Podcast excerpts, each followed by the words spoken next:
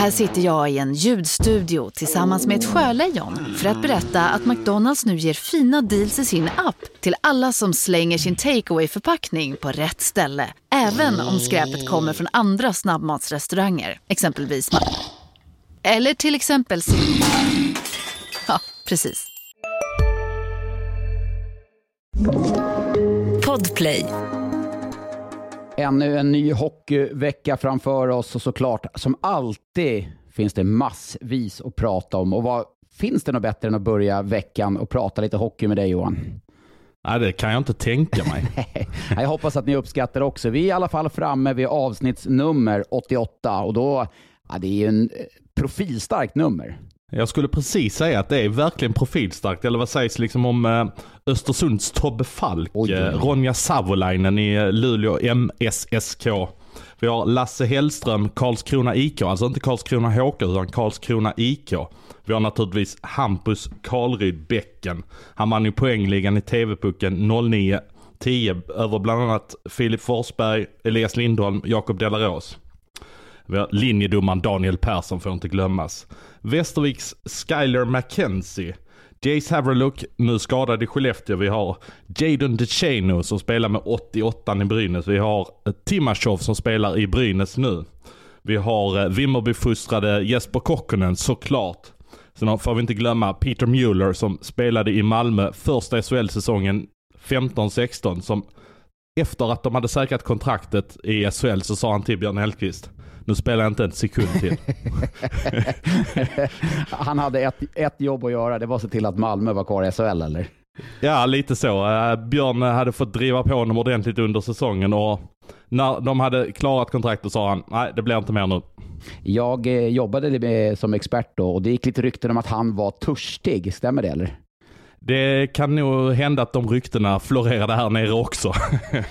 Eh, jag vet inte om William Nylander är speciellt törstig, men han är fruktansvärt bra borta i NHL nu. Men i Modo hade ju han nummer 88. Ska vi dra lite NHL-namn? För det är en- alltså Patrick Kane, Eric Lindroth, David Pasternak, Andreas Jonsson, eh, för detta Frölunda i New Jersey, Brent Burns. Personlig favorit. Mycket på grund av skägget såklart. Vasilievski Vasilevski som är en av världens bästa målvakter. Och såklart en spelare som Djurgården gärna hade velat haft i sin laguppställning den här säsongen, Alexander Holtz.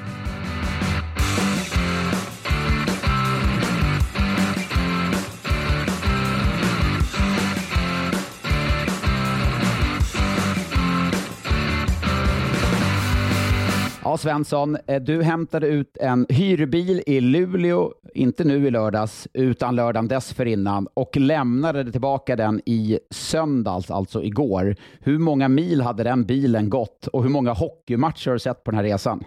Det blev sex hockeymatcher till att börja med och jag är lite besviken på mig själv att jag inte gick över 200 mils gränsen men 194,5 mil blev det på bilen. Kunde du inte liksom vänt där lite halvvägs från Skellefteå till Luleå, vänt tillbaka till Skellefteå och sen åkt upp igen då för att toucha de här 200? Jag kunde väl åkt hem till familjen Bryggman. De var ju 13 personer på matchen i Skellefteå. Han hade alltså bokat 13 biljetter så de satt där precis bredvid bortasektionen, eh, Bryggman-familjen. Han gjorde en bra match också, Bryggman. Men du, då kan ju du eh, sammanfatta. Vad är det hetaste i Hockeysverige just nu? Jag skulle säga att det hetaste just nu är ju det som händer i HV71 faktiskt. Eh, de åker på torsk efter torsk, förlorade alltså med 7-2 mot Västerås i fredags. Ett lag som jag alltså inte har sett i veckan men ändå så är det det som jag anser är det klart mest anmärkningsvärda just nu. Men ska vi ta tag i Hockeyallsvenskan direkt då? Jesper Nilsson tycker vi ska diskutera kring poängrekordet i Hockeyallsvenskan på 121 poäng. Kommer någon att slå detta i år? Just nu är det Modo, HV och Björklöven som slåss mot varandra i toppen. Är det de här tre lagen som kommer ligga där uppe när vi sammanfattar säsongen eller ska vi liksom höja ytterligare varningsfinger för Västerås efter riktigt vassa matchen i fredags mot HV eller Karlskoga för den delen? Ja, eller Kristianstad. Såklart. Du, då glömmer man Kristianstad. Det här är, Kristianstad är ju Ho- Hockeyallsvenskans svar på Oskarshamn.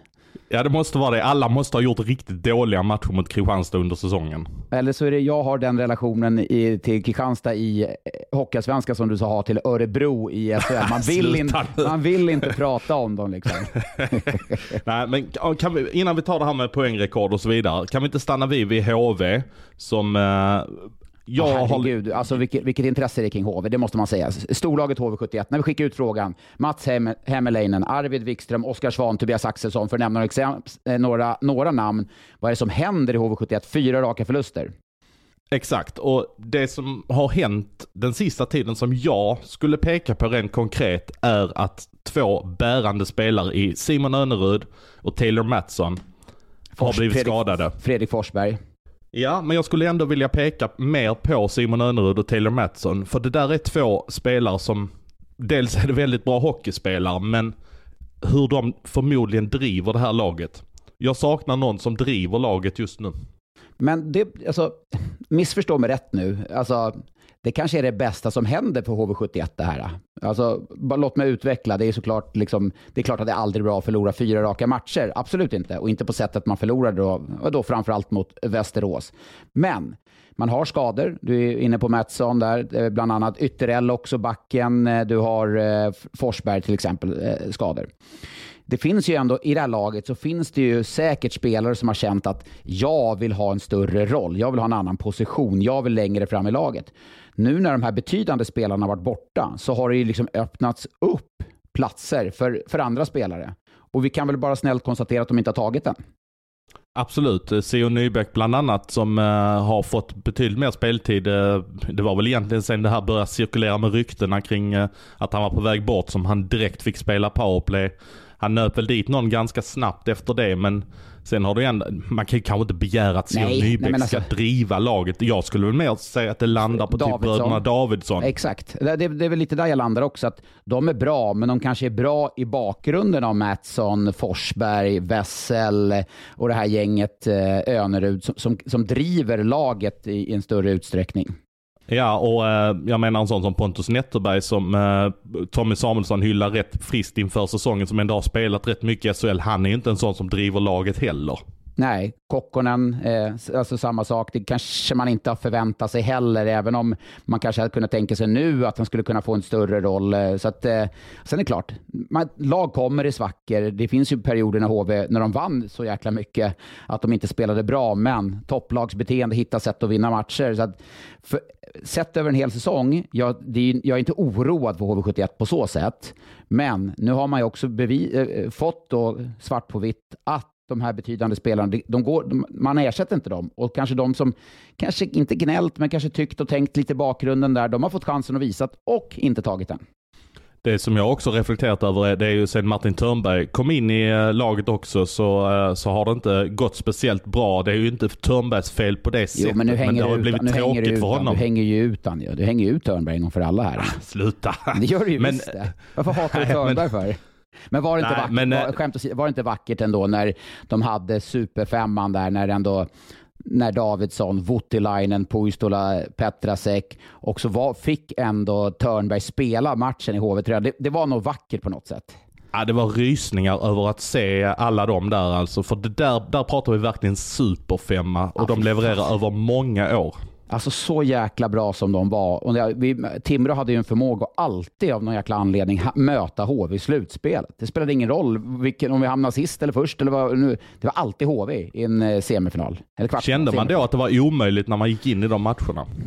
Jag vill ju säga att jag inte, jag vill ju säga nej liksom. Eh, men vi hade, en, vi hade en väldigt stor respekt för HV71. Och jag kommer ihåg även när jag spelade i Färjestad första året så hade vi jätteproblem med HV71.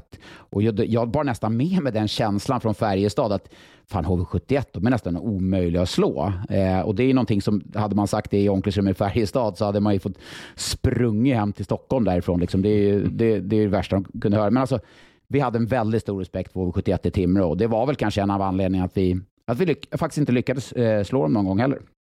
Just nu har HV71 48 poäng på 22 matcher. Man tänkte ett tag där att nu kommer de ju spränga det här poängrekordet som är på 121 poäng på 52 matcher. Det är väl Timrå som har det. Eh, och det ser ju tufft ut i dagsläget. Jag räknar lite på det. 2,18 har de i snitt nu. Eh, vilket innebär att de i dagsläget skulle landa på 113 poäng eh, om, när man summerar säsongen. Så för att nå de 122 för att då slå Timrå så behöver HV Eh, fixa in 74 poäng på de sista 30 matcherna, alltså 2,46 poäng per match. Och det är ju liksom ett, man måste vinna fem, förlora en, vinna mm. fem, förlora en. Ja, nej, men det blir tufft. Det blir, det blir jättetufft för HV, även om de har ett eh, jätteslagkraftigt eh, lag. Ja, det är rekord i sjuka siffror, så det, jag tror det är svårt. Men nu, nu pratar vi HV71, man landar ofta in där. Det är ju en, det är en stor klubb såklart. Modo får vi inte glömma, Björklöven i toppen. Men låt mig stanna upp lite vid Västerås hur, vilken jäkla match de gör. Zetterberg där, hattrick och vet jag vilken femman, sexa, jag minns inte vilket mål det var. Han bara liksom kör över Emil André där och bara liksom flyttar på det och så går han in och trycker in. Jag tror det var hans tredje mål också faktiskt. Det var ju liksom, fan de är rätt bra, bra Västerås där och nu skickar de eller skildes från Ja, de, de valde ju att gå skilda vägar med Lavois. Det var väl egentligen eh, man, alltså Lavois är ju en skicklig lirare. Han passar inte riktigt in i det här Västerås-maskineriet skulle jag säga. Men eh, alltså, nu har man ändå skickat eh, ett par spelare där från Västerås. Det är ändå ett lagbygge som man satte inför säsongen, som man liksom kalibrerar och gör om lite. Man tänker Lava försvinner, du kan eventuellt plocka in ytterligare spelare. Sen med det sagt så är det liksom inte per automatik bara att det blir succé för det. Men jag, alltså, jag, jag säger det, det jag såg av Västerås där, nu är det flera matcher, men just där mot HV71, det var liksom så här, oj, jag undrar vad HV bär med sig efter den matchen. Det är ändå liksom att Västerås, den här respekten man kanske hade för dem inför eller matcherna tidig, en tidigare match, de har ju försvunnit lite när man liksom sätter skåpet där. Ja, och det, det har ju egentligen försvunnit här de sista veckorna när eh, Kristianstad har slagit dem två gånger. Det är inte bara det att Kristianstad har slagit dem hemma som man kan göra, utan Kristianstad har ju, har ju faktiskt tagit en poäng borta och sen slagit dem borta. Så att eh, Kristianstad har ju faktiskt satt lite tonen för mot HV71 att de här är inte på något sätt oslagbara. Men när jag nämnde Lavois så ser jag, då, då rycker det lite i ditt vänstra ögonbryn. Då vet jag, då har du någonting att berätta. Har, vad, har du, kan du, jo, men jag ser det så här, när, när, du ler lite, när jag nämner ett namn, så ler du på något sätt så att du vet vad han ska, eller? Ja, jag hör att han eh, ska vara klar för Mora. Han ska vara överens med dem i alla fall. Uh, och det vet inte jag om, Mor, om det är rätt för Mora. Det är Mora, klart att de behöver någon som kan göra skillnad. Du vet inte om Mora vet det bara, eller? Ja, Mora vet väl det förmodligen, men jag, jag, känner inte om, eh, om det är rätt. Det kanske är en sån som kan göra lite skillnad för Mora som behövs. Känns det inte som Mora hugger lite på vad som helst? Det, det, det känns ju ingen så tydlig strategi nu. Det är bara att vi ligger lite skrynkligt till och visserligen vunnit lite mer på slutet, men vi plockar, det här är en skicklig spelare, honom testar vi, honom tar vi. Han är ju rätt beprövad i Hockeyallsvenskan får man ju ändå säga. Ja, visserligen, visserligen, det är sant. Det är, ja, han borde ju kunna komma in och göra 0,7 poäng i snitt per match i, i Mora i alla fall. Tror du inte det? Ja, jag tycker han ska göra en poäng per match i, i Mora om han får en roll där han kanske får spela med Ljunggren eller någonting i den stilen. Svenssons krav på Morastjärnan. Minst en poäng per match. nu har du varit på kvällstidning för länge. Men du, jag ska, vi ska stanna vid, vid Björklöven också. För de såg jag ju i fredags när de mötte Tingsryd. Jättebra första period. Men sen tycker jag att de tappar eh, allting i stort sett. Jag fick ju se Wiklund göra mål live också. Ah, hur kändes det? Berätta känslan. Hur, hur, inombords, vad kände du? Ja, det, det, var som att man gjorde det, det man inte får göra. Man jublade på pressläktaren i stort sett. Nej, det gjorde jag inte. Men, men eh, visste han att du var där? Ja, absolut. Vi, Pe träff, peka, vi pratade lite grann. Han, pekade han upp på läktaren till dig? Liksom. pekade med, med liksom högerhanden, tog av sig handsken. Pek, sen sa det är för dig. jag önskar att det var så. Eh, vi pratade lite efter matchen och eh, så frågade jag hur går det med kontraktsförlängningen och då medgav han då att de förhandlade precis som vi sa här för några veckor sedan. Och men uh, han, det verkar som att uh, han uh, pekar ut sina lagkamrater att de hade stulit alla pengarna för Kente så det, det fanns inga pengar kvar. Nej men nu får du, nu får du gå ner och sätta, sätta ner foten här alltså. Nu får du ju sätta ner foten. Ja precis. Uh, Kente säger ju att jag har drivit upp priset för mycket på honom nu. Men om Kente då säger att okej, okay, jag har Kärki på bordet för samma peng, peng som Wiklund. Vem, vem ska du plocka? Du måste välja. nej, då, då, nej, då är det Wiklund. Före Kärki? Ja, ja, absolut. Ja, ja men det, det, det är kärlek. Men vad, vad, nu skämt sida, vad såg du mer av från Björklöven där när, när du uppe? Det är väl lite det som, som man har känt och tänkt och sett kring Björklöven, att topparna är väldigt höga, dalarna lite kanske för djupa, ojämnt över matcher, mellan matcher och så. Ja men verkligen. Och nu ska man säga det att de har ju lite skador. Men så är ju läget. Man har skador under säsongens gång. Jag menar Modo har mycket skador. HV har också skador. Så att skador är ju en del av det. Och man ska ju sätta en trupp ut efter att eh, snitt är kanske två, tre borta hela säsongen. Liksom. Det, är, det är ju så det är. Eh, men jag tycker att de tappar allting efter första period och egentligen kastar bort det. Jag tyckte de kastade bort det lite grann när jag såg dem live mot Vita Hästen för två veckor sedan tror jag det var också. Att, eh, att man, man spelar inte bra i 60 minuter. Man kan spela jättebra men man har för djupa dippar i matcherna.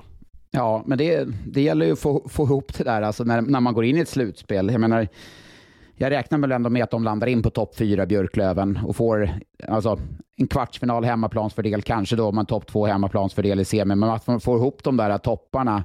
Ja, när, när jag ser och pratar runt lite så, så, så är det flera som nämner att liksom, det är lite gnälligt i Björklöven bland spe, alltså så här på isen. Så. Det är lite ett gnällgäng. Är det någonting du känner när du har sett dem eller? Är det bara...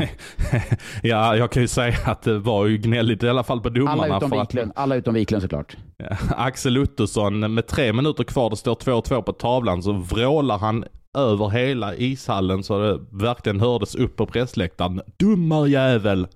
Och det, vad ska domarna göra då? Det är klart de tar en tvåa på honom och ja, riskerar men... de ju att torska matchen där. Ja, nej, men det, nej, precis. Det är ju disciplin.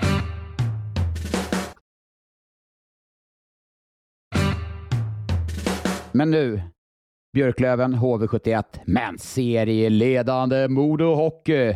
Modo leder serien. Alltså Modo som skulle ta litet mellanår, bygga upp något nytt. Eh, Mellanmjölksmodo. Mellanmjölksmodo, serieledande Modo. Vi har alla, jag, jag, jag, driver inte med det på det sättet. Vi har alla sprungit, eh, sprungit fel i våra förhandstips. Så jag kan säga, jag tror inte heller att Modo skulle vara så pass bra. Men du har ju också sett Modo. Du såg dem visserligen förra veckan, men fasiken imponerande då. Och så blickar vi framåt mot den här veckan. HV Modo, HV Björklöven. Har onsdag, fredag har du eh, både Björklöven och Modo mot HV71. Vilka toppmatcher! Ja, det blir skitroligt att se det. Ehm, jag tror att det kommer att bli, eh, jag gillar inte att kalla det seriefinal för det tycker jag bara att sista matchen ska få kallas, så jag kallar det för toppmöte. Ehm, jag tror Modo kommer att fortsätta leda serien när de åker ner till Jönköping för de har Troja borta på eh, onsdagen så den kommer de förmodligen att vinna och så eh, ska de då ställas mot HV och där får man säga det att när de möttes i Örnsköldsvik så, så stal ju faktiskt HV den matchen med bara ett par sekunder kvar att spela. Så eh, det blir intressant att se när de eh, mäter sig med varandra nu.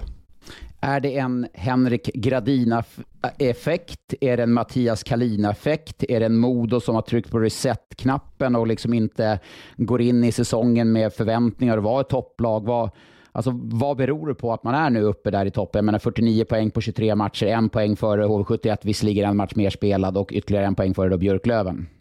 Jag skulle faktiskt säga att det är en gradineffekt eh, mest för att jag tycker han har fått ett bra utfall på många nyförvärv, framförallt eh, nordamerikanerna. Så därför tycker jag att det är en gradineffekt. Sen är det ju alltid tränaren som ska få dem att spela bra, men den här Sam Vignor som de kanske värvade in som tredje center har gått in och blivit en första center och även om han förlängde kontraktet så är jag rätt säker på att han kommer norpas av någon SHL-klubb eh, till nästa säsong. Satt, satt och kollade på Modo, jag tror det var en av de första matcherna. Eh, jag tror till och med var i premiären.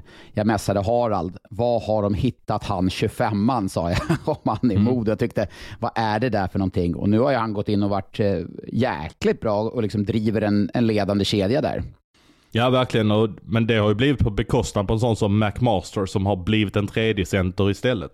Ja, jo precis. I, ja, visserligen. Men det, det, han har fått ihop det där Kalin. Alltså han får ihop grupperna och lagen och jag menar, han hade ju, det var ju ett bra läge visserligen att komma hem eh, till Modo, men han hade ju också jäkligt mycket att förlora. För jag menar, kung i Västervik, kommer hem som en frälsare. Nu ska jag vara tydlig, kanske ingen som förväntar sig att de skulle vara ett topplag den här säsongen, men ändå rätt mycket att förlora när man hemmasonen kommer hem. Ja men så är det. Eh, men eh, de har ju fått ett bra utfall på många. En sån som Tex Williamson har väl eh, aldrig varit bättre egentligen. Nej, aldrig varit bättre. Men du, om Modo är en av överraskningarna så är det ett lag som smyger under radarn. Som är, vi, vi har inte pratat med dem så mycket, om dem så mycket i podden den här säsongen. Som jag tycker har överraskat negativt och väldigt negativt också. Det är AIK. Jag menar, Södertälje har vi pratat om. Åh, Södertälje. Då, bara, men Södertälje är en pinne bakom AIK i tabellen. AIK är på åttonde plats, men de har nio poäng upp till sjätte plats, Västerås. Och jag tycker väl ändå att AIK, kanske inte ett givet topp sex lag men de ska i alla fall vara precis där det hack i häl.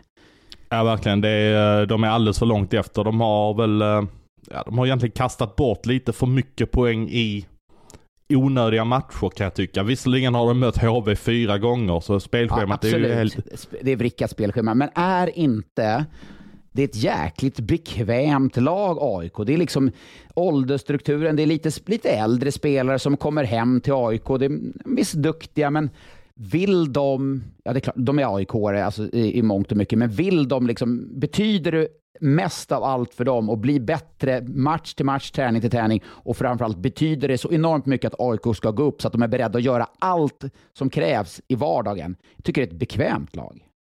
Jag antar att du syftar på en sån som Anton Holm och Fredrik Weigel då, som ska Weigel. vara drivande. Ja, men, ja, precis. Weigel är ju skön så att han gnuggar ju sådär, men liksom Deilert lika så. Du vet, alltså så att är de där Norin för att ta nästa steg? Är du med vad jag menar? Du måste, I Hockeysvenskan mer än såklart SHL så måste du ha det där drivet att en trupp som driver sig själva, vill bli bättre varje dag. Är AIK det eller är det ett bekvämt gäng? Jag tror inte Anton Blomqvist vill att det ska framstå som ett bekvämt gäng, för det är precis tvärt vad han står för.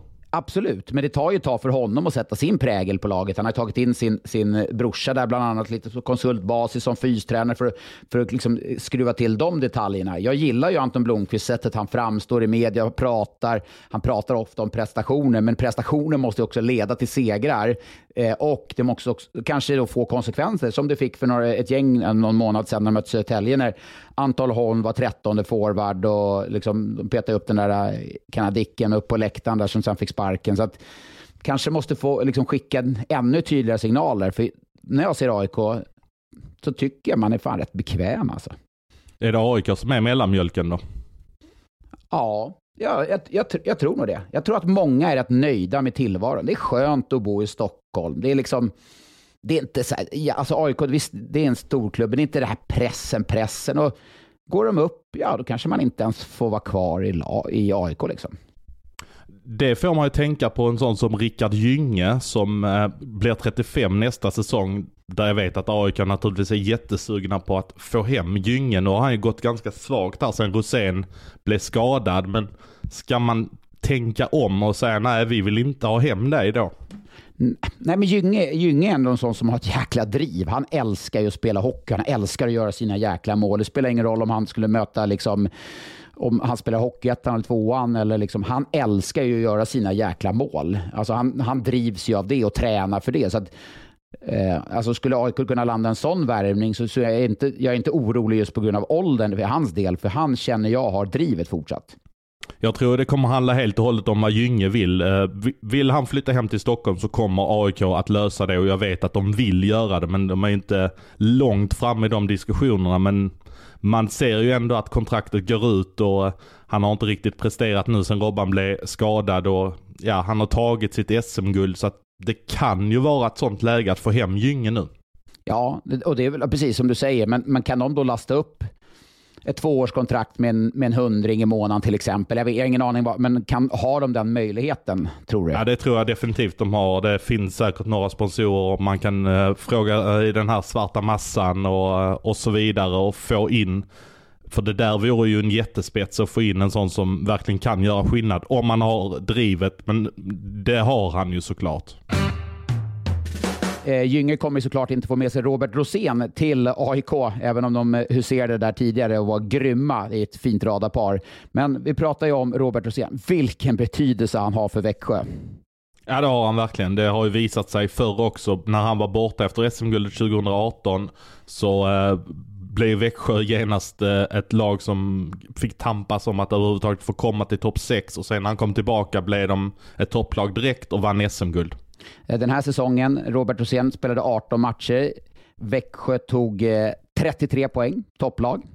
Vet du hur många match, eller på sju matcher, vet du hur många poäng Växjö har tagit på de sju matcherna som Rosén har varit borta? De har tagit en trea i alla fall. Ja, eh, så det har kanske blivit någon etta och så vidare. Totalt sju poäng då, då utan Rosén i laget. Och bara Gynge, bara för att förtydliga liksom den betydelsen. Gynge med de där 18 matcherna med Rosén, 22 poäng. Hur många poäng tror du Gynge har gjort utan Rosén på de här sju matcherna? Oj, ja, en eller två kanske. En pinne ja. Så att det är liksom, det är bara eh, förtydliga vad Robert Rosén betyder för Växjö. Man pratar alltid om så här, vem är den mest värdefulla spelaren i serien? Den spelaren där, Jellina är där, är han där, Omark eller där. Man pratar, men det här är ju siffror som inte går att skoja bort om Roséns betydelse för Växjö. Men hur lång tid är han borta då? Ja, det, alltså indikationerna är väl att han inte kommer att vara tillbaka innan, alltså på den här sidan av året. Eh, I alla fall har jag förstått det som. Eh, och det är såklart alarmerande för, för Växjö. För jag menar, börjar man kolla i tabellen nu så Alltså, och, och krabbla sig in på topp 6 nu, det är, det är fan inte självklart att man kommer att göra det. Nej det är det inte. Det är ju jättemånga, jag menar Färjestad, det känns ju lite grann som att de är på väg Nej, men lugn uppåt. Nu. Nej men lugn, nu ska Färjestad gå in på topp 6. Ja det ska de.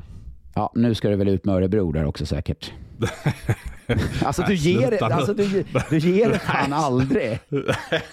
Örebro, det är klart de ska vara på topp 6. Du får skicka ut någon annan. Får skicka ut Oskarshamn istället då ju. Ja, men de är redan ja, då ger du på mig nu att jag ska hata Oskarshamn också. Ja, men de är, Oskarshamn är ju sjua nu, så att de, är redan, de är redan utanför efter förlusten. Nej, men alltså just Växjö där, det är också fått många frågor om målvaktssidan. Åman har ju liksom tagit jobbet nu framför Kalnic och Åman har ju gjort det ja, bra siffror den gångna veckan ändå och eh, eh gjort det bra. Nu var det Växjö starkt ändå, kom tillbaka när Timrå gjorde 2-1, kom tillbaka sent, jag tror det var 13 sekunder kvar. Eh, eh Lycksell kvitterade och vann på straffar, så man fick ju ändå vinna för att just Växjö, de har ju en kraftigt nedgående trend som vi är inne på det utan Rosén.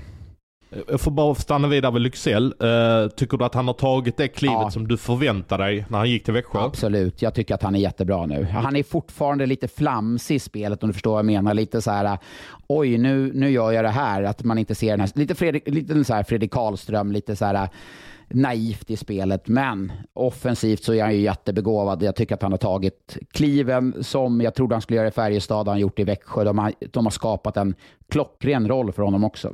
Han har ju verkligen hittat sitt sätt att bidra också, för han gör ju väldigt viktiga mål. Han sköt ju något viktigt mål mot Linköping bara matchen innan också. Ja, exakt. Och jag menar, alltså, det är just det som, här, kom hit, du ska få den här rollen, du ska misslyckas i den här rollen. Och jag menar, en spelare med, med hans Lycksells talang, det är klart att han får en roll, får misslyckas i rollen, då kommer han också växa i den. Så att eh, eh, klockrent. Men ja, lite oro för Växjö ändå, eh, sett till eh, vad, eh, vad de är på väg. Men ett lag som vi fortsätter oroa oss för är ju Djurgården. Eh, och den här veckan, de vann ju visserligen eh, en match i början på förra veckan när de slog Malmö med 3-0 på Hovet. Men sen känns det som det har blivit källaren igen för dem. Ja, och det här är ju en, alltså Djurgården, det är ett lag, jag menar det går inte, det är ett lag som berör. Eh, Anders Rönnbäck, Hans Vågegård, Peter Hjelm, 83 Anders med flera. Alltså alla de, vad är det som händer i Djurgården? Det är frågor om målvaktssidan nu när Svedberg är skadad, backsidan, forwardsidan, tränarsidan. Det, det är liksom det är, det är, inte bara en sak som läcker i Djurgården. Videll, eh, liksom hela den grejen. Joakim Eriksson, ska han jobba ännu närmare laget nu när man hör indikationer på att han egentligen borde vara längre från i laget? Styrelsen, vad tar de för ansvar i det här fallet? Liksom det, det är så många delar i det här, i det här Djurgården som inte fungerar. Vad, alltså, vad blir tydligast för dig att ni behöver jobba med? För jag menar, det finns ju flera liksom, trådar att dra i här, men man kanske inte kan dra alla samtidigt. Ja, men eh, alltså hockey, det är ju, det är ju en, eh, en, en kampsport. Och förlorar man 75 eh, procent av närkamperna, då blir det svårt att vinna. Och det gäller ju liksom att ge sig hän och ge sig in i situationerna. Alltså, vad är förklaringen då till att det är Djurgården som inte får det att stämma? Vad upplever du? Liksom, är, det, är det felande? Ja, alltså det är ju lite det som man säger. Det, vi, behöver komma i, vi behöver komma närmare våra motståndare. Vi behöver vara starkare på, på puckarna när vi väl har dem. Uh, så det finns ju, som du sa, det finns ju mycket, mycket att dra i. Uh, men vi försöker ju liksom tratta ner det. Uh, till så enkla saker som möjligt. När du hör Niklas Falk, får du känsla av att det finns en trygghet, någonting som spelarna kan tro på och så vidare när du hör honom prata? Nej, nej, det, gör, nej det gör det faktiskt inte. Eh, klart Falk, han kom ju tillbaka till Djurgården, har ju ett Djurgårdshjärta hjärta, liksom, tröjan hänger i taket, det är, liksom, det är hans klubb och ville liksom vara med på en resa. Nu har han hamnat i en situation där han är head coach i ett lag som ja, man får ändå säga att de underpresterar. För spelare för spelare så finns det ju ändå liksom, alltså det finns ju, det ska inte vara så jäkla dåligt så att man ligger där man ligger. Jag hade inte förväntningar på att du skulle ligga på den övre halvan, absolut inte. Men eh, spelare för spelare ska man inte prestera så pass dåligt som man gör. Så att han, jag undrar hur han mår. Och det, jag är inne på det Johan. Alltså, jag, jag, var inne på det för några veckor sedan. Det måste ju stöttas upp. Det, är liksom, det hjälper inte om Joakim Eriksson jobbar närmare laget. Jag tror, det, det, det är ju, mår ju inte en tränare, Niklas Falk, eller Mikael Aro för den delen. De behöver ju hjälp. Och vem ska det vara? Ska det fortfarande vara Stefan Lund som du var inne på? ska jag ändrat mig de här veckorna eller? Nej, nej det ska nej. du såklart inte. Nej men, nej, men det... för, var, nej, men för varje vecka som går så hamnar du i ett läge där du kanske, tidigare var jag inne på att Djurgården kan inte sätta sig i en situation där man måste kontraktera en tränare för nästa år bara för att få in en tränare den här säsongen. Är med vad jag menar? Men för varje vecka som går så blir ju liksom risken att plocka in, alltså då kan du ta risken att behålla en tränare nästa år. Eh, med vad jag menar. För att nu, för varje vecka som går så blir läget mer och mer akut. Man pratar själva om att man hade en bästa av sju-serie. Redan nu ligger man under med 4-1 i matcher inför de avslutande två matcherna. Och sen så äh, finns det ju faktiskt alla anledningar också att slå fast att man inte, det går inte att förlita sig på äh, 19-åring eller 18-åring eller vad han är, äh, William Eklund. Han kom hem, gjorde tre poäng på de första två matcherna men mm. jag tror han står kvar på de tre poängen nu också. Det är klart att det är tufft för honom att komma in i det läget. Nej, folk, jag, jag försökte ju säga det här i simors studion i samband med att han kom hem och jag sa att jag förväntar mig inte att William Eklund ska göra en massa poäng och folk skrattar ju liksom och hånar. Han har ju spelat NHL, det är klart han ska göra en massa poäng. Men för en spelare att komma hem i Williams kläder, liksom, det är svårt att bli frälsaren i det läget när Djurgården som lag inte fungerar. Det är klart att han kommer in med massvis med energi, får en boost i första matcherna. Sen hamnar ju han in med resten av laget och därför är det liksom svårt att kräva poäng av honom när du har liksom ett system, ett lag som inte fungerar. Och nu, nu är det så här, alltså Djurgården är ett lag, de engagerar. Jag vill ju, jag håller inte på Djurgården. Jag tycker inte verkligen liksom si eller så om Djurgården. Men Djurgården för mig, uppvuxen i Stockholm, klart de ska spela SHL. Absolut. Men här och nu är vi i ett läge, det kanske inte ens har Stockholmslag eller Djurgården i SHL nästa år. Jag menar, eh, alltså Timrå, på gång, absolut. Malmö som de spelade mot Skellefteå, då har man hittat ett sätt. Alltså så här, ja, så här spelar Malmö så här över tid, då kommer man börja vinna matcher. Linköping, absolut, som man, som man uppträtt i sitt defensiva spel. Brynäs med Mikko Manner, ett helt annat lugn, satt en struktur i defensiven, har ändå en del toppar nu med Timashov som har kommit in. Vilket, vilka två lag ska Djurgården gå förbi där i botten av tabellen? Ja det skulle vara Timrå och Malmö i så fall skulle jag säga. Om det nu är eh, några lag. Men eh, Timrå är ju definitivt på G och en sån som Tyrat. Det går ju hur bra som helst. Ja, riktigt, riktigt vass där.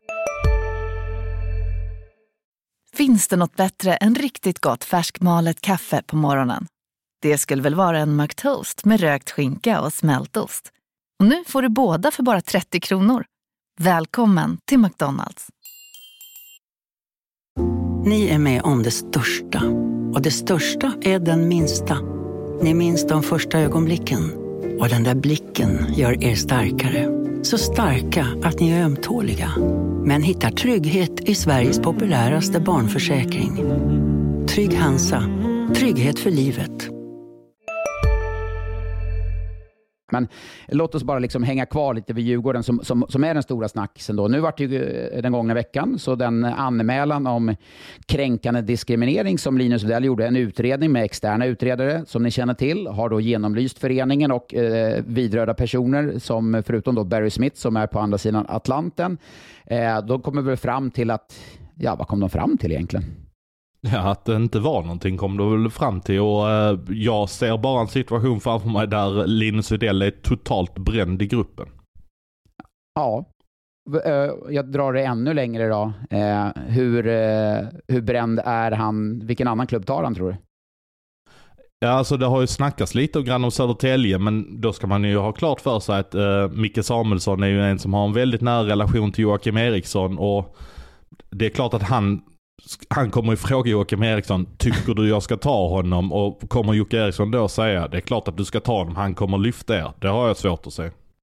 Nej, och, eh, nej det, är en, det är en situation som, som ingen mår bra av. Och jag, jag tror inte Linus mår bra av det heller. Så att jag tror att eh, alla bara ska ta varandra i hand, riva det kontraktet. Jag tror ingen ska sitta längre och vänta ut kronor och ören. För att det, det är liksom en, en, situation som Djurgården som förening inte mår bra av, Linus som person inte mår bra av. Så att, eh, ta bort det. Och jag är inne på det, precis som du säger där Johan, att jag tror det blir svårt för honom att, att vinna tillbaka gruppens eh, förtroende. För han har ändå liksom varit borta betydande del av ma matcher här när man har verkligen behövt, som det så fint heter, kropparna. Hur många, hur många lögner har Djurgården hunnit dra om hans status under de här veckorna? Det har varit sjukdom och skador och ja. hit och dit. Ja, ja precis. Så, ja, exakt. Men det är ju jag menar, vem har kunnat förutspå ett sånt här läge? Eh, jag menar, det är ju, alltså, det är inget läge som man tänker att man sätter sig i, för det är en miljö, eh, ishockeyn eller elitidrotten, där det kan vara liksom jargong, inte eh, jargong är fel ord, det kan vara hårda ord eh, för att man ska få ut en prestation. Man gör saker för man tror att man kan trigga spelare, man utmanar dem, man kan bänka dem, man kan, man kan göra den typen av saker för att man tror att man ska få ut en form av reaktion eller en bättre prestation. Eh, med det sagt så är det här inte, hör ju inte hemma i det här med tystnadskultur eller den här typen, utan det här är ju grejer som du ska lösa i gruppen, stärka dig och gå vidare ifrån. Har Färjestad löst sina problem nu? Vi såg dem vinna med 5-0 mot Oskarshamn och nu fick jag ju inte höja upp dem på topp 6 för dig äh, ännu. Det får, du jätte, men, äh, det får du jättegärna göra. Nej, men alltså vadå? Men allvarligt, vad ska det vara så inåt helvete jävla svårt att sätta ett försvarsspel? Alltså allvarligt. alltså, Leksand i tisdags, Skellefteå, man släpper in 11 mål. Då man kommer från en bra period. Alltså det, det är det mest elementära. Det, ett försvarsspel ska man väl kunna sätta? Nej, det verkar uppenbarligen svårt på många håll. Men alltså, försvarsspelet. Sätt strukturer. Men titta, hur spelar Växjö försvarsspel? Hur spelar Rögle försvarsspel? Hur spelar Luleå försvarsspel? Okej, okay, jag kopierar det, så behöver jag inte uppfinna hjulet. Vad Men vad händer, om all, om vad händer om alla spelar ett bra försvarsspel? Då, blir det ju, då tar de ut varandra. Liksom. Ja, alltså då... du menar så här, ja, men då, då tänker Färjestad så här, ja, då spelar vi inte så bra försvarsspel för då blir det lite kul i serien eller? Alltså, du får ju hitta ditt sätt att spela, men du behöver inte, alltså, om inte du har ett försvarsspel som fungerar så måste du titta på de bästa, hur de agerar. Och sen utifrån där kan du hitta kreativa lösningar i det offensiva spelet. För att det har ju Färjestad. Men det som var, hände mot Oskarshamn efter två helt jäkla usla matcher, både mot Leksand, och då ska vi säga att Leksand i den matchen, de var dåliga. Jag pratade med Mikael Karlberg, eh, Leksandstränaren, och han sa väl lite det att oj, om inte Färjestad tas den här matchen, när ska de tas? För vi var inte bra idag. Ungefär i den andemeningen. För Leksand var inte speciellt bra i den matchen. Med det sagt, Färjestad åker ner till Oskarshamn. Ändå en match där Oskarshamn är liksom topplags Oskarshamn. Det är en match som den är rätt lätt att förlora där. Det var Oskarshamns sämsta match för säsongen. Ja, det var ju det. Det är underbart. Det är så, jä det är så jävla underbart att säga. Men du, jag ser då Marcus Nilsson. Det är väl någon minut kvar av matchen. Han backcheckar. Jag har aldrig sett människan backchecka så mycket. De leder med 5-0 då har du, skickat, då, liksom, då har du hittat någonting. De reser ner då till med åtta seniorforwards, tre juniorforwards och piskar dit Oskarshamn med 5-0. Nu är ju utmaningen att kunna leverera det här på torsdag och lördag igen. Det är det som de inte har klarat av.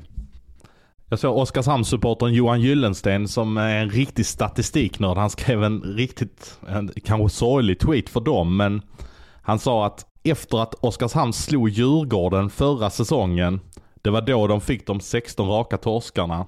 Och nu har de alltså inlett, efter att de har slagit Djurgården hemma, med att torska 0-5 mot Oskarshamn. Eller mot Färjestad. Så det är 15 kvar nu då? nej, nej, knappast. knappast. Men du, jag, tänk, jag reagerar på ett, en grej. Det var eh, alltså rätt Dale Weiss, eh, forwarden där i Oskarshamn, som eh, vi, vi båda trodde väl inte att han skulle komma tillbaka till Oskarshamn när han åkte hem och rehabiliterade. Trodde väl mer att det var en tidsfråga när Oskarshamn skulle skicka ett pressmeddelande att vi har kommit överens om att gå skilda vägar. Han var en jättebra person, han älskade Oskarshamn och bla bla bla, ungefär sådär. Men han kommer in och gör mål mot Djurgården och efter matchen så säger han då eh, till lokalmedia Barometern, med all respekt för Djurgården, men det här är en match vi ska vinna och det löser vi i den tredje perioden. Dale Weiss, han har ju ingen aning om svensk hockeyhistoria såklart. Men alltså, han har ju 513 NHL-matcher. Men tänk dig att en Oskarshamnsspelare går liksom, med all respekt för Djurgården, men det här är en match vi ska vinna. Ser du liksom mm. det? Alltså, hur hockeykartan har ritat om. Det är helt sjukt egentligen. Ja, men han tittar ju på tabellen såklart för att Ja, man säger men att de är alltså, sist. Men, men, men tänk dig för något år sedan, då liksom Djurgården spelade SM-final, Oskarshamn var i Hockeyallsvenskan. Det var liksom helt otänkbart. Och tänkte första året när, när Oskarshamn var uppe i SHL att man liksom skulle prata i de här termerna. Nej, det är klart att det är så. Men jag måste faktiskt hylla DeLuise för att eh, hur han hyllade Filip Cederqvist efter att han hade tagit den tacklingen. Och han hyllar Filip Cederqvist för det där. And you're uh, a physical player. It was a hard hit there on a Djurgården player. So what do you say about that one? Yeah, um, wow. Eh, Full marks to him. That was incredible. Um, I don't know if he got up and scored. I'm pretty. Did he go? Was he the guy that scored? Yeah, that's right. Okay, like uh, unbelievable play by him. Um, that's as hard as I've hit anybody. Um, you know, and, and I wasn't even trying to really finish him. He kind of skated into me, and uh, and I didn't really have anywhere to go. So unbelievable play by him. Full marks, gets up and uh, and scores a goal. That's a, that's a great hockey play. Ja, nej, alltså det är ju... Ja, Cederqvist, eh, nu eh, efter det målet så utgick han den där matchen och är skadad efter det också, men ja, alltså snacka om att studsa upp och det är ju eh, lite slentrianmässigt man kallar karaktär, men han åker in och gör mål där och får ändå den respekten från Dale Weiss. Det, är- ja, det, var, det var fint agerat från Weiss måste jag säga.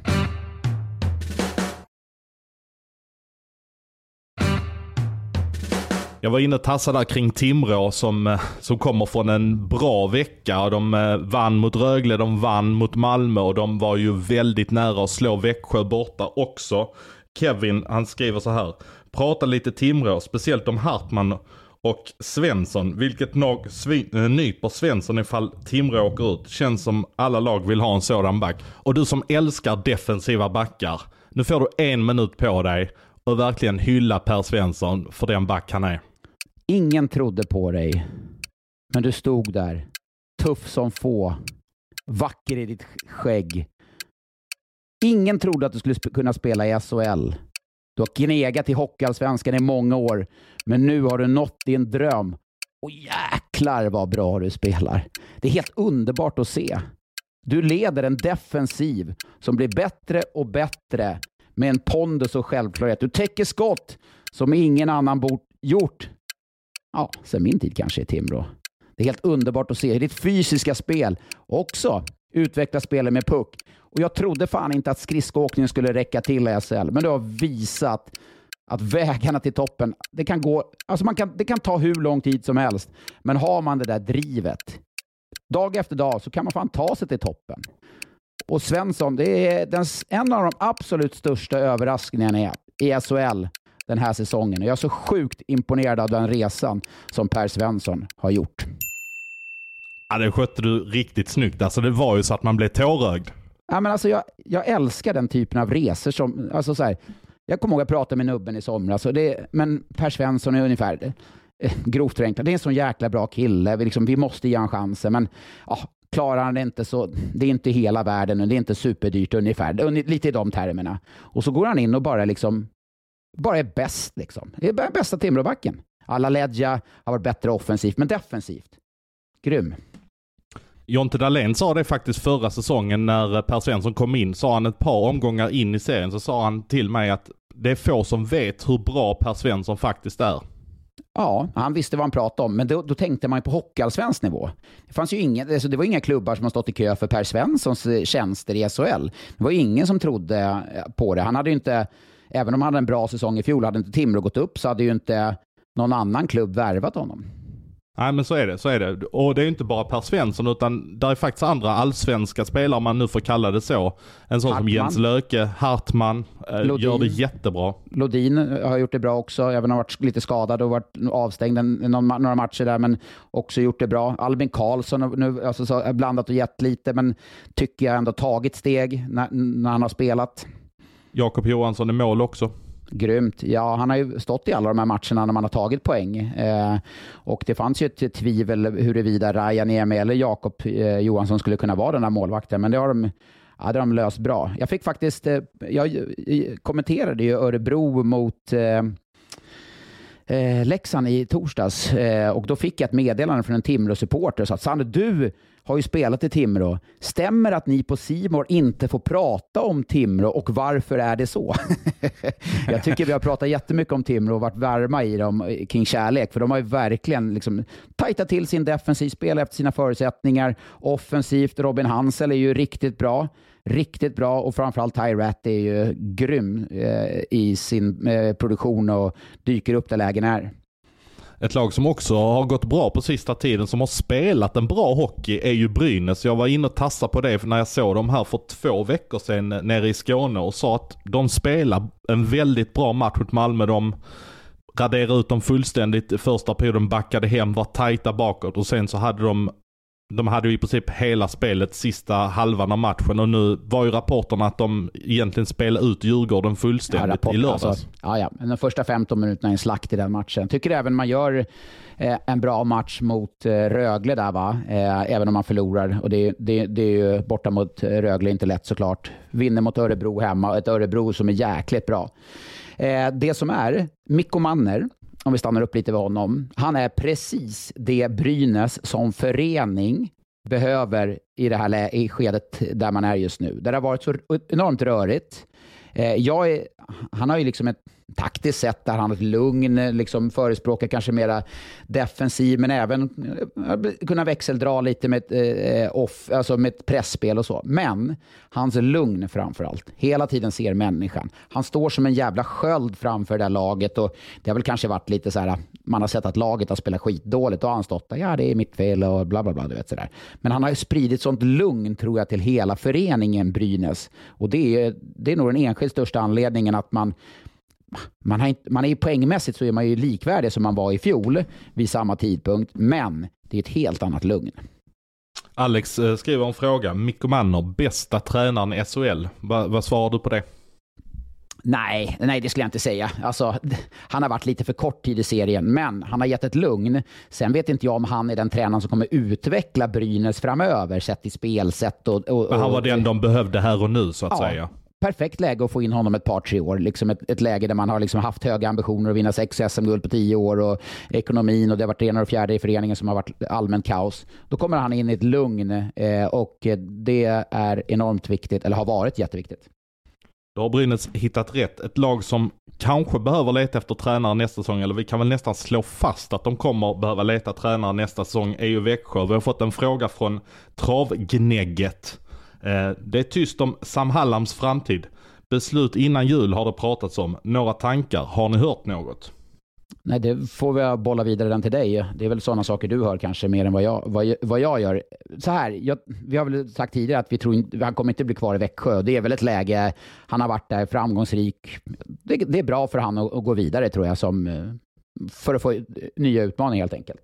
Ja, precis. Jag var ju inne och tassade vid för ja, knappt en månad sedan nu. Du har tassat den här, nu har du tassat runt mycket den här veckan. Ja, det, det får man säga. det är för att jag träffade Adams katter i, i fredags. Måste det ja, vara. Det jag, fick jag, en bild, runt. jag fick en bild där. Ni satt och mös katt, du och Adams katter. Ja, fan det, det, då trivs jag när det är katter. Du, Men eh, om jag får tassa vidare var nu. var, du, var du otrogen där och spelade in podd med honom eller? Ja, det kan kanske hända. Nej, skämtar du eller? Ja men du spelar in med Ekberg och lite sånt ju. Ja, fan, jag trodde vi kom överens om att vi skulle bolla med det här med varandra innan om vi skulle vara, liksom, eh, hoppa i poddsäng med någon annan. Nu är det som det Nu får du leva med det. Fan. Men du, jag tassar vidare till, um, från, till travgnäggets fråga. Och um, jag pratar ju om att Sam skulle kunna vara en man för att uh, kanske åka ner till Schweiz eller liknande. Men jag fick intressanta uppgifter uh, i mitten på förra veckan att eh, Sam var det absoluta huvudspåret som Tre Kronors eh, huvudtränare och att han skulle ha ett långtidsförslag på bordet att ta ställning till och att det var ett väldigt skarpt läge. Um, och det är ju inte speciellt förvånande för det finns ju inte så många Nej. kandidater som det ser ut. Men det är ju förvånande med tanke på att det är Svenska ishockeyförbundet vi pratar om. Så är det ju väldigt förvånande med tanke på deras tidigare rekrytering av tränare när man inte har prioriterat eh, tränarerfarenheter. Det här är ju det här är det absolut bästa nyheten jag har hört på otroligt länge för svensk hockey. Tänk om Sam Hallam, han skulle höja värdet på tränarjobbet, förbundskaptensyrket, plocka in den bästa tränaren som finns. Det hade varit grymt. Ja, för den enkla lösningen för förbundet hade väl kanske varit att göra typ Thomas Montén till, eh, till förbundskapten för A-landslaget. Ja, det hade ju varit det naturliga, men eh, jag tycker inte det är rätt. Eh, för jag tycker att man ska eh, ta den bästa. Montén kanske är den bästa kandidaten om tio år till exempel. När han har varit ute i SHL eller vad, Europa, vad han har varit. Men här och nu är Sam Halland den bästa tänkbara. Och för honom, när man liksom funderar, tänk om han har varit i Växjö länge, varit i vardagen. Om han får då vara förbundskapten, komma ut bland klubbar, se europeiska klubbar, vara i NHL och, och liksom se hur de jobbar. Han kan ju förkovra sig hur mycket som helst. För hans egen utbildning så skulle det säkert vara hur bra som helst. Tänk, ja, men tänk han tar eh, landslaget i fyra år. Då. Så då är han 46 när han kommer ut. Han har ju 15, år, 15 fina år liksom som klubblagstränare fram, äh, eh, därefter också. Men kan du se Sam Hallam stå och hålla föredrag för uh, Lidls representanter och Bauhaus uh, sponsorträffar och så vidare? Men alltså, jag börjar handla på Lidl om Sam Hallam skulle säga det. Liksom. Fattar du? Det är ditt löfte alltså? Ja, ja men säger Sam Hallam så här, handla på Lidl, då åker jag handla på Lidl. Nej men alltså han har ju, men vadå för, han är väl som klippt och skuren för den rollen? Jo men är det det han vill göra liksom? Nej men vill göra, jag tänker att liksom landa bort liksom landa in lite i en vardag där man man liksom ser hockeyn från ett annat perspektiv. Alltså man tittar på hockey utifrån och så är man några veckor här och där och jobbar liksom med coachning och jobbar med spelare fast att man får se hockeyn utanför. Jag tror han skulle vara en superbra ambassadör för svensk hockey. Så det hade varit... Ja, det här var en det var en, jag blev glad när du sa det, att han har, om, om det stämmer att han har fått det där erbjudandet. Det är ju mumma. Det är ju hur underbart som helst att höra. Det var en jäkla reflektion brinner, du jag gjorde. Brinner, jag brinner ju för svensk hockey, förstår du? Jag brinner för landslagshockey. Det är viktigt. När jag växte upp, då var det landslaget man ville spela i. Alltså jag blickade inte mot NHL när man var liten. Det var, tänk att få spela i Tre Kronor. Tänk att få vinna SM-guld. Alltså landslaget. Och nu tar vi då den bästa tränaren som finns och sätter i landslaget. Då höjer man ju också värdet på Tre Kronor. Det var en jäkla reflektion du gjorde där också med att, uh, att han bara är 46 år om han nu skulle haka på ett fyraårskontrakt. Ja. Man tänker att Sam, det kanske skulle vara hans sista uppdrag, men det är det såklart inte. Han är ju bara född 79 så att jag menar, han är fortfarande jätteung. Han skulle kunna vara tränare typ i Schweiz eller ett annat SHL-lag uh, i tio år efter det i så fall. Men du tänker så här, Karl Helmersson i BIK Karlskoga, det är en coming man, eller hur? Han är ju född 79 precis som mig och, och Sam. Och då har ju Sam liksom en del fina eh, meriter. Så att jag menar, han, när han kliver ur, om han skulle ha, säg fyraårskontrakt, 46 år, hela jäkla världen ligger öppen, har gjort det bra där, liksom satt ett avtryck i Tre Kronor. Han kan ju ta liksom han skulle ju kunna gå eh, i praktiken till liksom kunna träna ett NHL-lag, förstår du? Han har tagit liksom den trampolineffekten. Och i Växjö då, eh, där kan jag se två eh, spår framför mig om det skulle bli så att Sam försvinner, vilket vi då utgår från. Då kan jag se, nummer ett är Niklas Ram tar över som huvudtränare, eller nummer två, Jörgen Jönsson kommer tillbaka till Växjö. Intressanta spår båda. Eh, frågan om man, eh, med tanke på Ram där med, i HV71, om eh, Evertsson vågar chansa. Klart han känner honom väl. Han kanske får en uppbackning från Evertsson. Men Jönsson där, med tanke på historiken som han haft också, kanske ett läge för honom att bli headcoach. Jag anser att Jürgen är för kompetent för att vara assisterande tränare. Missförstå mig rätt. Alltså han är, det är klart, man kan vara den bästa assisterande tränaren, men han har ju sådana ledaregenskaper och kan stå längst fram framför en grupp, eh, ta med i alla de här sakerna. Så att jag ser ingen anledning varför inte han ska vara headcoach. Vi har fått en fråga från Brogis2 och Karl och Gustav Johansson och Ted Vincent är lite inne på samma spår. Hur lång tid har eh, Tyler Kelleher och Ryan McKinnon kvar i Rögle? Visst, Wallinder ska till JVM men samtidigt är Lesund skadad just nu. Ja, det, det intressanta är med McKiernan där att han har ju spelade noll minuter i lördags, han spelade väl nio minuter i torsdags och i Timrå borta så spelade han ju näst mest och spelade han i dryga 21 minuter. Det var bara Lukas Ekeståhl Jonsson. Men det, nu har ju han den som har fått kliva lite åt sidan när Jalina har kommit in. Men är inte det oväntat att det har blivit han som har gjort det? Han har spelat mest i Rögle under hela säsongen. Ja, precis. Jag var ju tvungen att dubbelkolla, för jag gick igenom och kollade igenom hans byten när jag såg att han spelade nio minuter där och tänkte ja, men han fick ju en skada. Det var därför han inte spelade, för jag såg inte eh, hela Brynäs-matchen. Men när jag liksom kollade istiden så reagerade jag.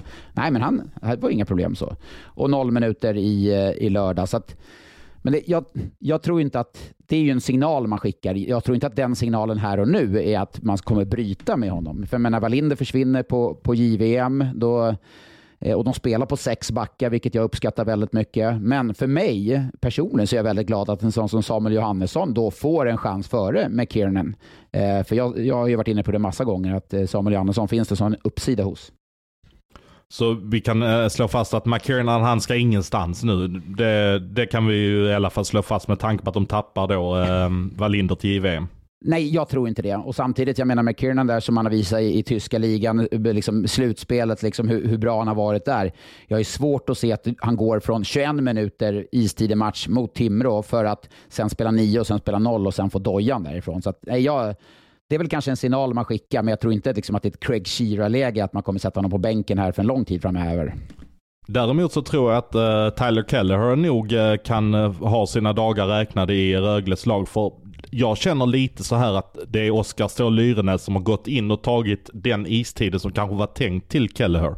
Så är det definitivt. Eh, och eh, det är ju det som är lite intressant. Det har ju ryktats om att han eh, ska till Örebro. Roger Östlund frågade om han skulle kunna vara ett namn för Örebro, som Örebro som också måste värva en back med tanke på att Rasmus Rissanen är skadad. Och när du liksom lägger ihop Keller och eh, Örebro där så pratade jag med Niklas Johansson, jag gjorde en intervju med honom på Simor i torsdags. Och innan när man står och chitchattar lite och pratar lite så frågade jag hur ser marknaden ut? Och vi pratade lite om Örebros resa från att kanske värva spelare tidigare när man var bottenlag till att nu vara med på den övre halvan. Att han sa att vi kan, vi kan ju gå in med en annan svansför när vi värvar spelare. Men han sa ju också att vi har fått massvis med listor skickade från agenter. Men jag tror man måste, eller han sa inte tror, man måste gå direkt på klubbarna, spelare som har hamnat lite i kläm. Och då frågade jag, menar du SHL eller övriga Europa? Då, då log han lite, så det, det, får man väl tolka som man vill. Men i den bilden kanske Keller då passar väl in, en spelare som har kommit i kläm i Rögle. Men skulle han då kunna gå in nej, på den platsen nej, där? Nej, där, nej. Nej. Du, du, vad ska jag svara, fråga? Ja, men skulle han kunna gå in på den platsen i Örebro i en topplina? Ja, men eh, där eh, Pustinen skulle leverera. Nej, nej. Det, det, alltså Pustinen är en ren avslutare. Så, det, så att, och Keller har ju liksom, han visar ju i vissa matcher att han är okej, okay, men i Örebro som är den här, ska jag säga, gnuggande lagmaskinen så känns det inte som Keller skulle passa in där. Så att jag, jag ser ju inte fram, framför mig att han skulle, han skulle inte göra eh, Örebro till ett speciellt mycket bättre lag. Allt är lika härligt när vi skickar ut tweeten på söndagar och det rasslar in ett gäng frågor och Jakob Eriksson, han vet hur han ska skärma oss. Ja, han säger i alla fall, vi testar igen. Och de som, när man testar igen, när man försöker och försöker, för den här frågan den har dykt upp och vi har haft den på körschemat flera gånger. Sen av olika anledningar har den utgått på grund av att vi förmodligen pratar för mycket om andra saker. Men eh, vilka av Leksands juniorer inom situationstecken drar till NHL nästa år? Åman, Heinemann, Rosén, Schelin, Lundqvist. Är det troligt att någon av dem skulle stanna? Är själv övertygad i alla fall om att Åman och Heinemann åker över för de första camperna. Och jag kan säga så här, som Heinemann och Schelin har spelat, Heinemann på slutet och Schelin hela säsongen, då definitivt kommer de kunna eh, åka över och spela NHL. Eh, Isak Rosén, eh, första runda. Ah, han Nej, det är för tidigt va? Absolut, absolut. Eh, samma sak med Alexander Lundqvist och eh, Nils Åhman. Så jag tror att Heinemann och Schelin är väl de som man riskerar att tappa. För eh, Heinemann, han har ändå liksom en power forward-aura omkring sig. Eh, är Heinemann en sån du ser i en topplina i NHL över tid eller är det en tredje, fjärde kedjespelare där? Tre, tredje, fjärde kedjespelare liksom med bra skott, bryta in på mål, skapa energi. Så han är inte liksom han, han har inte riktigt skillsen för att vara en topplina, det ska man ändå ha respekt för. Men här i Sverige nu, så när han har fått spela mer i powerplay så, så har han ju exploderat eh, poängmässigt både i CHL och i SHL. Vi spinner vidare på uh, en läxing här. Jag, jag, tror han är läxing. Uh, Stimblad heter han. Uh, Covid breder ut sig i NHL och det börjar bli mer och mer troligt att NHL-spelare inte kommer att åka till Kina. Hur kommer SHL hantera det? Ska Leksand klara sig utan Veronor, uh, Skellefteå utan Pudas, uh, Frölunda utan Spasek och så vidare? Har SHL en plan för att lägga om schemat? Och det kan jag svara på direkt att det har de. Ja, det om det skulle ske. Det måste de ju ha såklart. Det, kommer, alltså, det är ju jag menar, eh, bara kolla Leksand då, om nu Stimblad är Leksand-fans. Råhomma, eh, Schelin, Camper, Verino, eh, inte Kaski så kanske, men alltså du vet, det börjar börja Clues. Det är rätt mycket spelare som Kate och kanske också. Det, liksom, det går inte att genomföra SHL-spel då. Det, vore ju, det går ju inte. Nej, och det är ju inte jättemånga matcher som, eh, som ligger där, för det finns ju redan ett litet uppehåll i SHL. Man spelar sista den 5 februari och eh, börjar igen den 17. Så det är 17, 19 matcherna och 5 som man behöver rucka på då. Så det är ju tre omgångar egentligen som det handlar om. Och både Linköping och Malmö har ju redan fått flytta där på grund av att de har danskar som eh, ska spela i OS fått en från Anton Janke här på Facebook. Eh, den har legat och skvalpat lite, men nu är det dags för den. En liten spaning gällande André Pettersson. Kan det vara ett namn för Örebro? Alltså André Pettersson då som eh, eh till vardags KL, där han är lite på glid därifrån. Eh, fick ju lämna sin klubb när han var friskförklarad där. Men eh, sen har det varit ganska tyst om honom. Där har du väl i alla fall en spelare som kan gå in på toppkedjorna i Örebro? Ja, ja. Absolut, jo, men där har du ju en riktig sniper. Jag skulle, eller skulle, tänk dig han i Luleå bredvid Omark. Det, liksom, Omar skulle oh, kunna ha gjort 15 poäng till om han hade haft en riktig, riktig sniper. Kinnimin är ju inte den snipern. Fröberg, Omark och André Pettersson. Upp med ja, lädret, Då, då pratar vi leading line alltså. Upp med lädret nu, Skuggan. Ja, men annars så är väl HV, eh, de kommer väl säkert göra ett försök. De har fått hem Ullström och de har Önerud, de har ju lite gamla polare till André Pettersson säkert. Eh, de är garanterat beredda. Jag hörde att de hade varit beredda att lägga upp på 200 000 om han skulle komma hem och så SHL-kontrakt eh, på det om de då går upp. Ja, ja. Det, ja, det, HV känns ju som de, eh, med tanke på formen, skulle må bra av eh, André Pettersson. Men det vore ju kul att se honom i, med SHL, även om jag förstår alla HV-supportrar och få, få hem honom. Men Örebro, jätteintressant med tanke på Poistinen som är borta, eller varit borta länge, eller framförallt då Luleå. Men eh, nej, det, det hade varit något. Vi tar en sista fråga också. Christian Lundgren, trogen lyssnare. Har ni något hum om hur lagens resekostnader skiljer sig? Eh, eh, exempelvis Linköping kan ju rent krast bussa till 12 av 14 bortamatcher medan Luleå rimligen flyger till 11-12 eh, av 14 eh, bortamatcher. Ja, finns det någon, eh, får man något mer bidrag från, från SHL eller centralt?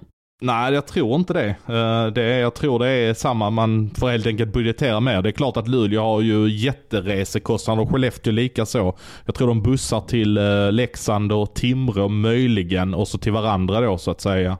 Eh, men annars så är det ju flyg som gäller för de lagen för att annars hinner de helt enkelt inte tillbaka för att spelschemat är ju ofta upplagt att du spelar borta på tisdagen och hemma på torsdagen och sen spelar du borta igen. Tyvärr är det ju så tror Erik Forsell och Skuggan använder det som ett, liksom ett, att de lockar spelare, att de får mycket eurobonuspoäng där.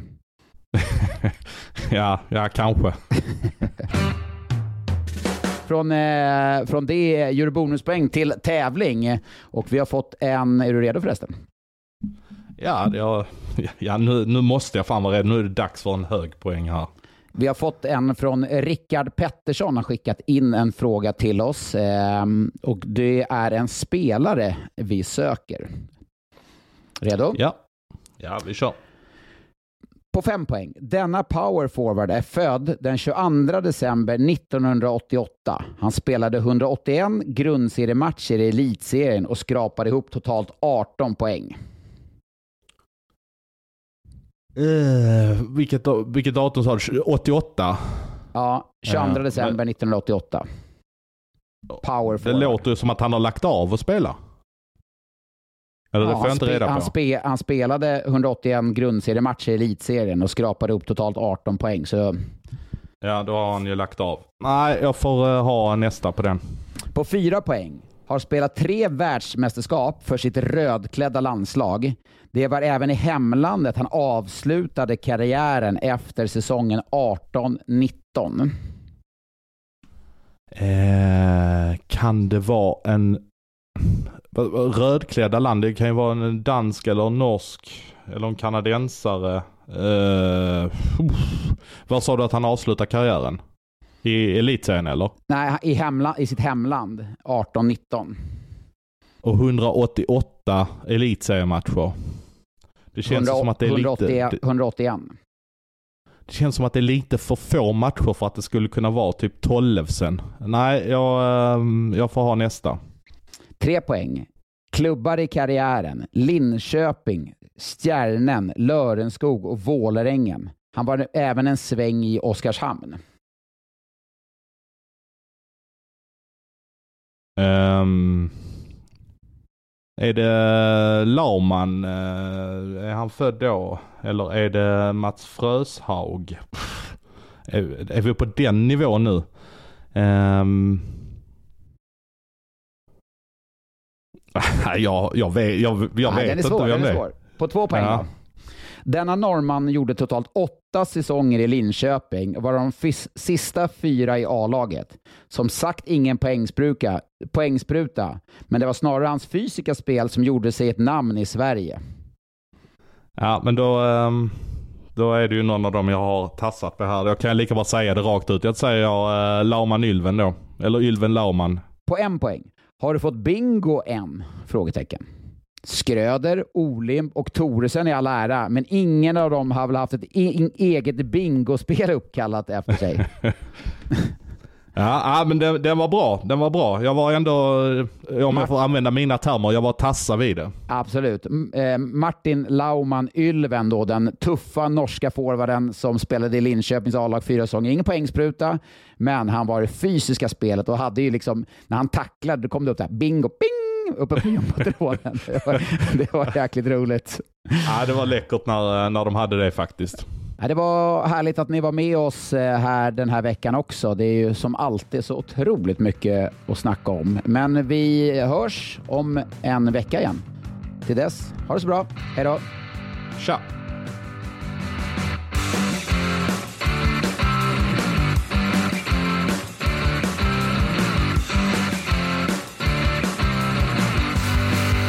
Du har lyssnat på en podcast från Expressen.